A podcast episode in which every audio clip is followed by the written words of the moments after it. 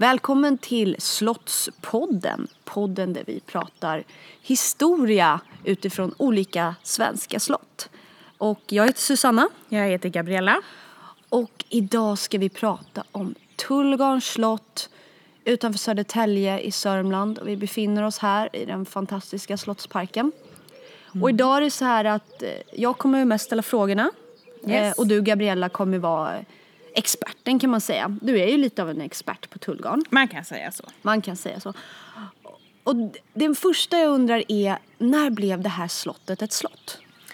Eh, Tullgarn blev ett kungligt slott 1772. Då är det ah. staten som några år tidigare har köpt in Tullgarn av eh, familjen De la Gardie och eh, då gett det här slottet till eh, prins Fredrik Adolf. Så han är den första kungligheten. Han är lillebror till Gustav III. Så han är den första kungligheten. Det är då det blir ett kungligt slott. Ah, Okej, okay. så Fredrik Adolf, lillebror till Gustav III. Yes. Han får, eh, han får det här som en slags sommarstuga alltså? Ja. Okej. Okay. Mm. Och varför, det har ett väldigt konstigt namn, varför heter det Tullgarn? Tullgarn, det är ett väldigt gammalt ord eh, som är uppdelat i två delar. Tull, eh, det betyder talldunge. Det har vuxit mycket tallar här. Eh, istället för den här vackra parken som vi sitter i. kan man inte tro. Och sen garn betyder då liten smal vik. Så det är en beskrivning egentligen av området precis som att eh, eh, Fittja är eh, en beskrivning av att det har varit en våtmark. Jaha, Fittja betyder våtmark. Ja, spännande.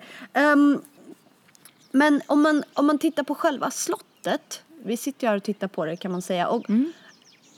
Om man tittar på det utifrån. Många slott från den här tiden.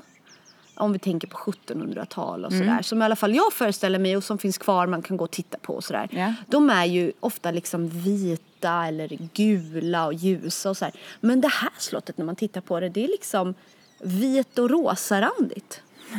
Ja, det är liksom ett ljust slott med röda knutar. Ja. Och det kommer sig av att eh, långt senare efter Fredrik Adolf så är det på 1880-talet i och med att drottning Victoria kommer ut hit tillsammans med Gustav V så målar man om fasaden mm -hmm. för att efterlikna Victorias barndoms sommarslott som mm -hmm. är slottet Mainau i Baden.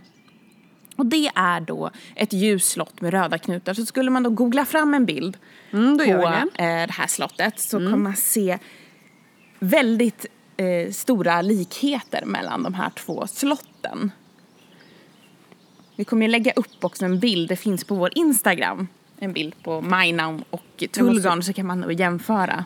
Ja men, ja det, du har rätt, det är verkligen om man, eh, för att förtydliga här så Victoria som var en en tysk prinsessa som sen blev drottning av Sverige. Alltså inte drottning Victoria av Storbritannien. Det är lätt att blanda ihop. De var ju ändå det var två Victorior. relativt samtida. Men alltså Maina, om man tittar på det här, eh, det är ju det är nästan exakt som Tullgarn. Eller Tullgarn är som en liten, liten version av Maina kan man säga. Ja, Maina är väl något äldre slott. Mm. Eh, men, eh, och Tullgarn har ett annorlunda tak jämfört med Maina. Ja, gå in och titta, det är jättespännande. Det är, det är ju spännande. jättekul hur, hur man byter land och, och bara återskapar sitt barndomshem eh, Precis. på ett nytt ställe.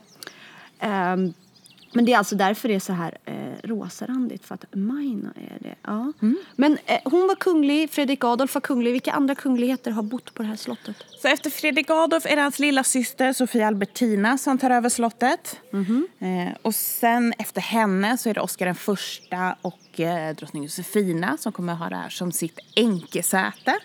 Fram till just Gustav V och drottning Victorias eh, bröllop eh, på 1880-talet.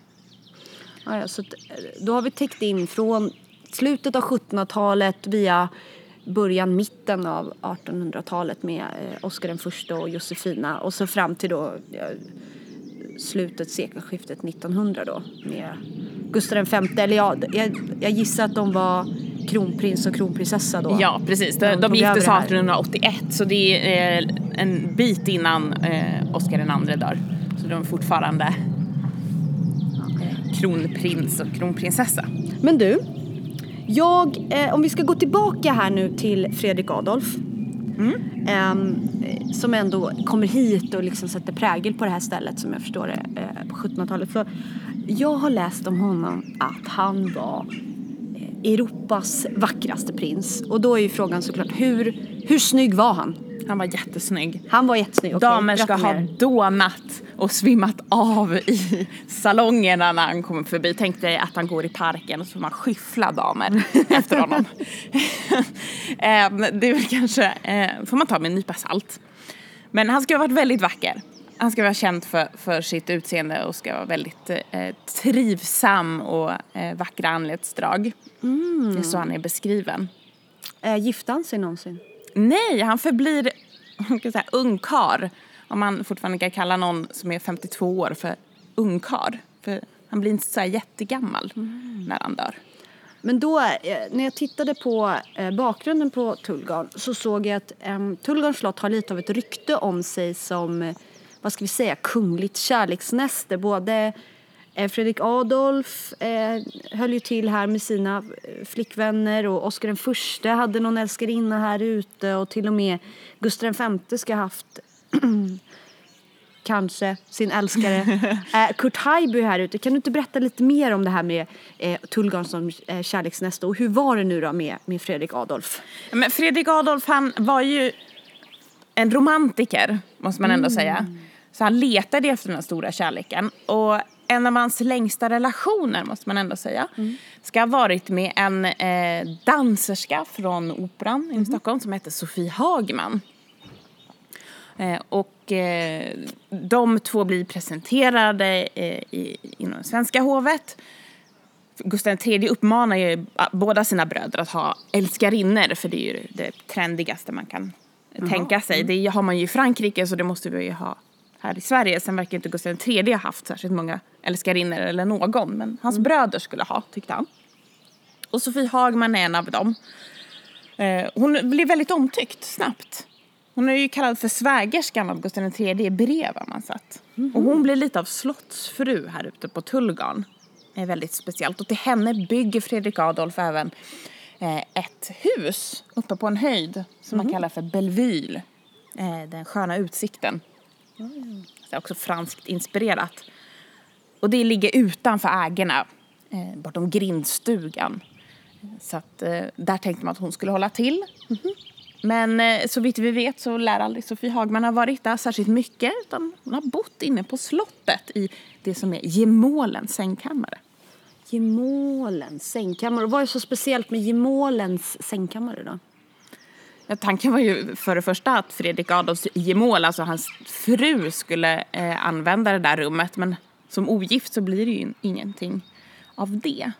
Eh, sen har det ju bott andra gemåler i det här rummet. Eh, bland annat då eh, drottning Josefina ska det som sängkammare. Och eh, förstås drottning Victoria. Mm, vi ska komma in på henne sen. Men jag tänkte eh, hur det här Gemålens sängkammare har ju ett eh, lite speciellt utseende. Det är väldigt, egentligen typiskt nyklassicistiskt gustaviansk inredning. Det är ljust vita väggar med gulddetaljer. Eh, och sen finns det kärlekssymboler, det är turturduvor över sängen. Så att ett romantiskt rum är det definitivt. Och sen så finns det en väldigt speciell detalj. Ja, eh, vi gör så här, vi lägger upp en bild på poddens Instagram så kan man titta på det här romantiska rummet. Eh, och just det, apropå symboler. Eh, Tullgarn och Batman har någonting gemensamt, berätta. Ja, och egentligen väldigt passande att vi sitter också här ute i parken. Eh, för Batman är ju eh, hans maskot, kan jag säga, är ju en fladdermus. Och Tullgarns symbol är också en fladdermus. Och det finns som en eh, gjuten eh, metallfladdermus finns inne i sängkammaren. På vardera sida av sängen bland annat. Och det är ju både natten och sömnens symbol. Så det är inte för att skrämma gemålen som man låter ha den där inne utan det är för att också symbolisera natten. Och det finns ju då som sagt massor med fladdermöss här i, i parken, i träden bland annat. Ja, nu är det mest fåglar. Nu är det mest fåglar. Det är ju, solen skiner så att ja. fladdermössen kommer väl senare. Ja. Men du sa eh, att drottning Victoria sov där. Var hon den sista eh, kungligheten som använde det där rummet som sovrum?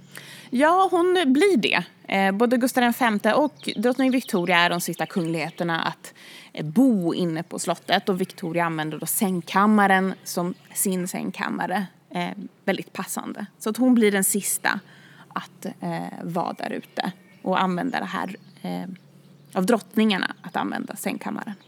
Men om vi ändå kommit in på drottning Victoria då tycker jag vi, vi djupdyker in lite eh, på henne. Hon är ju kanske den mest intressanta drottningen i Sveriges historia. Mm. Uh, på många sätt. Uh, det finns ju mycket som gör henne intressant men om man bara skulle lite snabbt först prata om liksom, vem var hon, Nu? när kom hon hit, vilka årtal pratar vi om? Eh, vi pratar om 1800-tal, mitten av 1800-talet. Drottning Victoria var en tysk prinsessa från Baden. Eh, vi nämnde ju slottet Mainau i början och, eh, hennes sommarhus det ligger ju där i närheten. Och hon växer upp där och blir uppfostrad egentligen till att bli drottning eller i alla fall en kunglig gemål. Eh, hon får lära sig att eh, spela instrument, att konversera. Hon lär sig engelska, tyska, franska. Ja, tyska är rätt självklart eftersom det är hennes modersmål. Men hon behärskar väldigt många språk. Och det är just för att hon ska få den bästa och högsta utbildningen som en dam på den här tiden eh, kan tänka sig. Ja, hon, eh, och hon kommer hit alltså eh, som vadå, 20-åring eller något sånt där? Och, och, för att gifta sig då med blivande kungen. Ja, hon blir ihopmatchad med eh, Gustav V, då fortfarande kronprins Gustav av Sverige. Eh, och det här eh, anses vara en väldigt lyckad matchning. Hon är ett riktigt kap. Ett riktigt kap. Eh, och det är framförallt för, eh, ur historisk politisk eh, synvinkel. Mm -hmm. För att eh, drottning Victoria är eh, släkt med, hör och häpna, Gustav den tredje. Eh, för att eh, hans son då, Gustav IV, när han blir avsatt på den svenska tronen så blir han ju då också landsförvisad. Och hans eh, fru och barn kommer, eh, hans fru kommer då från Baden och hon flyttar med barn, barnen tillbaks dit så det är på, på den vägen på så är de släkt? På den vägen så. så. är de släkt. Mm. Men hon är ju väldigt intressant. Jag tänkte vi skulle prata lite om henne eh, som person sådär för att hon går ju till historien. De flesta liksom svenskar som känner till henne kanske, hon tänker på henne som någon slags sjuklig fascist. Hon var ju mm. lite mer än så kanske. Det, något som fascinerar mig när jag läste om henne var ju att hon hade den här fantastiska som många eh, högt eh, ja, uppsatta och adliga och kungliga personer fick på den här tiden. Den här stolsuppfostran. Ja. Där man, eller buskuppfostran eller vad vi ska kalla det för. Det är alltså ganska små barn eh, drillas i att prata med döda ting. Yes. De får alltså, hon, hon liksom leddes runt mellan olika eh, buskar eller stolar eh, och skulle prata med dem. Ja, och det var för att man skulle lära sig att konversera hela tiden. Man skulle kunna prata med vem som helst och vad som helst och hålla en konversation igång även om den andra kanske inte sa någonting mm. eller så. Och, och då, då, övade man barn i det genom att ja. låta, dem gå mellan olika stolar och så sa man så här, det här är den och den, det här är den och den. Så skulle man prata och så skulle man hålla det samtalet igång med den här döda stolen eller den här busken man stod och mm. pratade med i trädgården. Och det fick hon. Mm. Och det ska tydligen ha gjort att hon var så här enormt spirituell människa och kunde få vem som helst att se sig så här sedd och, och uppmärksammad. Ja. Och, eh, så. Det, för det är en kvinna med väldigt stark driv. Så många egentligen drottningar i den svenska historien så är väldigt bestämda, de vet vad de vill och, och har liksom en väldigt klar bild över hur deras liv och framtid eh, som drottning, hur det ska vara. Mm på gott och ont. Det blir inte alltid som för alla egentligen. Det blir kanske inte alltid som man hade tänkt sig. Men eh, hon är ju bestämd på så sätt. Hon ger ju liksom inte upp. Det här är hennes eh, plats bredvid då Gustav V. Eh, och även om eh, det är allmänt känt att deras äktenskap efter inte så här jättelång tid eh, glider isär. Ja, ja. Det är inte det lyckligaste äk- äktenskapet. De får sina barn men sen så visar det att de kanske är mer olika eh, än vad det är tänkt. Och som, det kan man dra paralleller till Louise Ulrika som är uppvuxen i också tyskt, väldigt pampigt hov.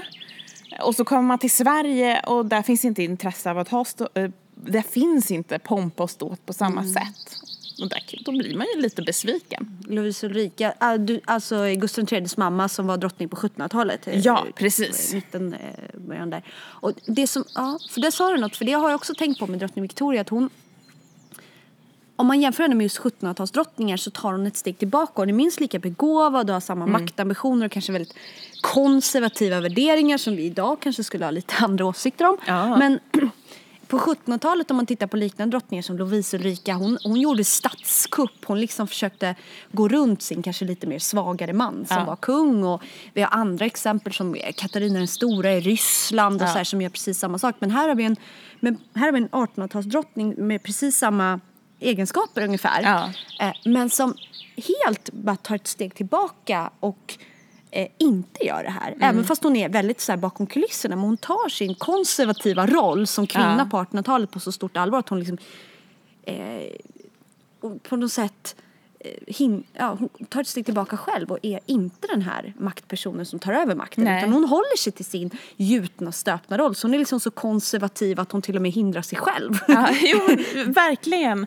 Eh, och det är lite sorgligt på samma sätt. För många skulle ju då tillskriva det här att hon, hennes luftrörsproblem som hon då har sedan barnsbenen. Eh, att, det är det som hindrar henne från att liksom vara mer aktiv. Men jag tror det är mer det också. Att hon vet att det är eh, det är kungen som bestämmer, det är han som är ansiktet utåt och hon ska vara liksom där bakom. Sen så gör hon ju saker eh, och är aktiv. Men som du säger, ett steg bakom. Ja, Det, det, det är fascinerande liksom motsättningen i det Mm. på något sätt. Men om man, man tänker mer på eh, just på den här platsen där vi är idag så Mm. eh, hon ändrade utseendet på det, My Now. Yes. Eh, Hon ville återskapa sin barndom. Hon, som jag förstår det så eh, hade hon stor påverkan även inuti slottet Mm. eh, på olika sätt. Eh, och eh, ett ställe som under hennes tid förändrades eh, är ju köket Ja. som när vi var inne och tittade på det är ju helt fantastiskt. Det har en riktig sån här Downton Abbey-känsla över sig. Ja. Eh, kan du inte berätta lite, någonting lite om köket? Alltså kök eh, överhuvudtaget just på slott är en plats där eh, dels är det kul att se för att det är lite bakom kulisserna. Det är här grovarbetet sker. Det är inte lika till eh. Och samtidigt är det också en del av eh, slotten som brukar vara det mest moderna. För det här är ett kök som inreds på just 1880-talet. Och då ska man ha de bästa eh, vitvarorna som man kan tänka sig. Fast de är inte vita då. Nej, utan det här det handlar om gjutjärnspisar och eh, koppar och mässing, eh, och stora kärl som man har. Men det är ändå ett väldigt ljust kök. Man har ju också kylskåp eller kylrum. Det är också en väldig lyxartikel. Eh, och mat, hiss, för att liksom, eh, maten ska kunna då lätt transporteras mellan de olika våningarna. Som ska upp till eh, matsalar och eh, kanske till och med in i något frukostrum någonstans. Så det är ett hypermodernt kök i en eh, annars lite gammalt hus kan man säga. Ja, eftersom annars är ju slott är man väldigt försiktig, brukar vara försiktig. Ju äldre slotten är desto mindre vill man göra eh, Ja, förändringar. Medan i köken kan man och måste göra förändringar för att man kan inte stå vid, vid eh, en gammal eh, öppen eldstad och laga mat på 1800-talet utan då måste man ha en, en ordentlig spis.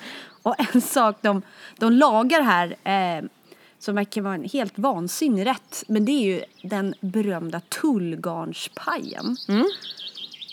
Och eh, när jag läser om den verkar det vara en hel eh, barock måltid. där man liksom lägger ner mer eller mindre en hel maträtt i en paj och bakar av den. Och det känns ju som något man Man höll på med jättemycket med på 1500-talet och 1600-talet där man liksom varvar massa sorter. Mm. Man lägger ner eh, hela eh, djur och liksom bakar in dem.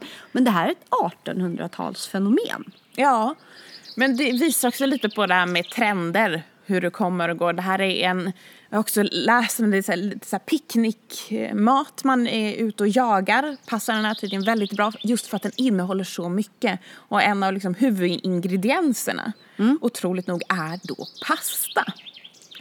Ah. Som man också har i den här. Sen innehåller den både kalvbräs och kyckling, eh, massa grädde och eh, lite, lite tomatpuré eh, i, i jämförelsemängden med allt annat. Eh, Men vad är det för pasta? det är en, en 1800-talsspagetti som man då lägger i och jag hade en kollega som har beskrivit det här lite som en lasagne i ett pajskal. För man varvar det här på lite olika sätt. Men eh, alltså det här med spaghetti och pasta det är absolut ingen eh, nyhet. Utan det är alltså något som finns redan på 1800-talet. Det finns ju eh, Karin och Carl Larsson har ju recept på pasta Ja. i sina eh, receptböcker. Och, eh, det ska till och med ha funnits eh, spaghetti åt man i eh, franska hovet på 1500-talet redan. Eh, en, en hel pasta eh, rätt i ett pajskal med lite, lite tomat i säger du. Känns lite italienskt. Ja, inte så jättekonstigt med tanke på att Victoria spenderade en hel del tid i just Italien. Eh, mycket för att eh, då kurera sig, som det heter. med de berömda luftrören. med de berömda luftrören så skulle hon till lite torrare klimat. Så att, eh, och där kom, tar man ju med sig influenser, självklart. Och det, jag läste någonstans att än idag ska den här pajen vara en av de få maträtter som eh, kungen idag har liksom eh, erkänt att han tycker om. Mm. Det ska ju vara så svårt som kunglighet att säga något man tycker är gott för Ja. då tydligen ska man få samma mat, då får man det jämt. Ja. Men det här har han faktiskt sagt att han tycker om. Man kanske äter det på, på jakt, vad vet jag? Ingen ja, men aning. de ska göra det tror jag vid, vid jakttillfällen. Men då tror jag de har modifierat den lite. De har lättat upp den något. Eh, så den inte blir fullt så stabbig. Men grundreceptet ska nog vara detsamma. Men då har vi pratat, vi har pratat Victoria och vi har pratat eh, lite om 1700-talet och vad som hände här då. Men vi har ju det bästaste kvar kan man säga. det mest spännande. Eh, vad är det Gabriella? Ja, men det är den mest brännande fråga som alla undrar över. Det är ju det här med hygien. Och eh, kanske framförallt, hur går man på toaletten? Hur gjorde man förr i tiden? Och här på Tullgarn finns ju en fantastisk samling med pottor Ja. av olika slag som eh, vi var och tittade lite grann på. Eh, och den är ju tyvärr inte för all, framme för allmänheten. Nej, Men vi tyvärr. tänkte vi skulle berätta lite om den just för att eh, man kanske är lite sugen på det här med hur kissar man och sådär. Mm. På 1700 och 1800-talet framförallt. Ehm, och eh, hur har, varför är det massa pottor här på Tullgarn till att börja med? Varför finns de här? Ja, det var ju inte för att det fanns ett särintresse på Tullgarn för att gå på toaletten. Eh, utan det- det är, är, har blivit någon form av centrallager för de kungliga toalettbestyren bestyren har hamnat här på slottet. Så det finns en rätt bra samling av just pottor här. Så det är så de har hamnat på slottet. Några av dem har fullt möjligt, troligt, används av kungligheter här. Hoho. Eller eh, finare eh, besökare. Men inte alla. Inte alla. Och något som jag gick igång särskilt på var ju alla de här kvinnliga, de så kallade kvinnliga nattkärlen som stod här. Ehm, och de, de syns inte jätteofta sådär offentligheten. Nej, och det där är väl också en sån typisk sak för man tänker aldrig på att det skulle vara skillnad på att gå på toa som eh, dam och som herre. Men eh, det finns ju en viss problematik där om man nu på 1700-talet har en stor eh, klänning med eh, massa underkjolar och eh, stora ställningar under. Och då kan man inte bara huka sig ner över en potta Nej, eller precis. sätta sig på en toalettstol hur som helst. Utan då behöver man en så kallad bordalot. Och jag hoppas att jag uttalar det rätt. Eh, och det är ju en, ett kvinnligt nattkärl som ser ut ungefär som en såssnipa fast jättestor. Eh, med ett handtag. Och den här är ju perfekt då för den kan man liksom skjuta under. Göra sin, sitt lilla behov och sen ställa undan. Ganska smidigt eh, eh, ja, föremål. Och eh, kanske använts senare. Kan ju vara bra att ha även under 1800-talet, de här stora krinolinerna kanske. Men eh, framförallt kommer de till under eh, 1700-talet. Och det finns till och med såna fantastiska målningar på såna här bordaloer. Ja.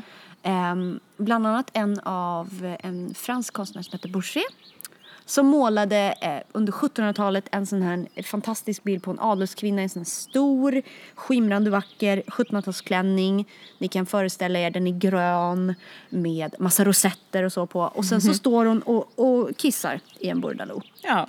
Så jag tänkte vi lägger upp den bilden också.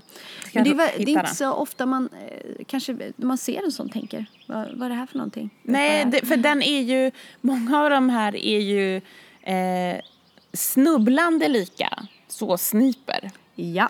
Utan själva den här snipan egentligen. Ja. Eh, de är lite så här päronformade så att eh, se, ska man se den kanske på en loppmarknad, för jag kan Mm. tänka mig att de kan dyka upp i alla fall de lite senare varianterna så eh, eh, vet man att om den är lite rundad eh, och päronformad då är det en bordalot man har kommit över. Och vi har, ju, vi har ju sett att de tillverkas ju långt fram. Vi hittade ju en idag som var tillverkad 1881 av Rörstrands Ja, så att, eh. Så att de, de hänger med men de är fantastiskt spännande. Eh, vet du vad förresten varför det heter toalett? det är väl något franskt. Ja, som allt höll jag på att säga. Men jag kollade upp det här. Mm. Eh, alltså ordet är ju jättegammalt och kommer från ett franskt ord som heter toile. Jaha. Som alltså är ett tyg. Yes. Som är ett linnetyg. Och idag finns det ordet fortfarande toile om en tygsort. Ja.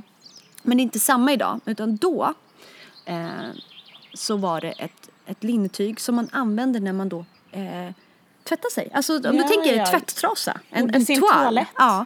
Men man använde en toal för att tvätta sig. Och då gjorde man sin toalett. Hänger du med? Ja, ja, Ja, ja. jättespännande. Och sen så eh, hängde det där ordet bara med. Och det, det betyder ju länge att liksom göra sig i ordning och tvätta sig och klä på sig. Ja. Mer än att det handlar om att som idag gå på toa, alltså göra behov. Men idag finns det bara kvar som det ordet. Egentligen väldigt opassande hade det blivit Ja, verkligen. namnet för, för potta. Ja, när det egentligen betyder ta en linnetrasa, doppa i vatten och tvätta ren det och sen klä på dig någonting. Ja. ja det är jättekonstigt. Eh, Men då har vi gått igenom, vi har liksom gått från eh, 1700-talet och vi har tagit oss igenom en bit av 1800-talet och vi har tittat på pasta och pottor. Ja, vi har varit i sängkammaren Ja. eh, och vi har varit ute i parken. ja. Eh, parken som idag inte har en enda tall, trots namnet. Ja. Tullgarn eller tallgarn. Nej, Jag tror jag har sett en gran, men det är inte heller... Nej, det är, inte det heller enda- rätt. Det är inte heller rätt. Men det är ett barrträd i alla fall. Men om man vill besöka Tullgarn, alltså om man nu känner att det här var ju spännande, jag vill komma hit och titta på fler rum och fler eh, miljöer och, och kanske se porträttet på Fredrik Adolf och ta reda på hur snygg var han. Hur ska man göra då, Gabriella? Jo, men då tycker jag att man tar sig ut till eh, slottet. Eh, mellan juni och augusti så är det öppet eh, tisdag till söndag. Så att då eh, är det säkrast. Så är det visningar varje heltimme så får man försöka pricka in en av dem.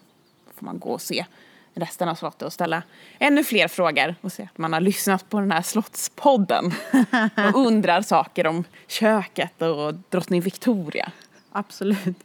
Och ehm, vill ni se bilder från idag och eh, på några av de här miljöerna vi har pratat om så eh, gå in och titta på Slottspoddens eh, Instagram. Yes. Vårt Instagramnamn är Slottspodden, så det är inte så konstigt. Nej, mycket enkelt. Och där kan ni också se oss när vi har vår 1700-tals eh, regalia på oss. Ja.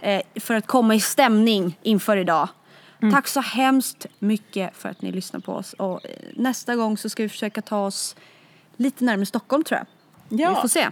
Vi får se vad det blir, vilket annat kungligt slott som vi eh, kommer att ta oss igenom. Tack för att ni lyssnade.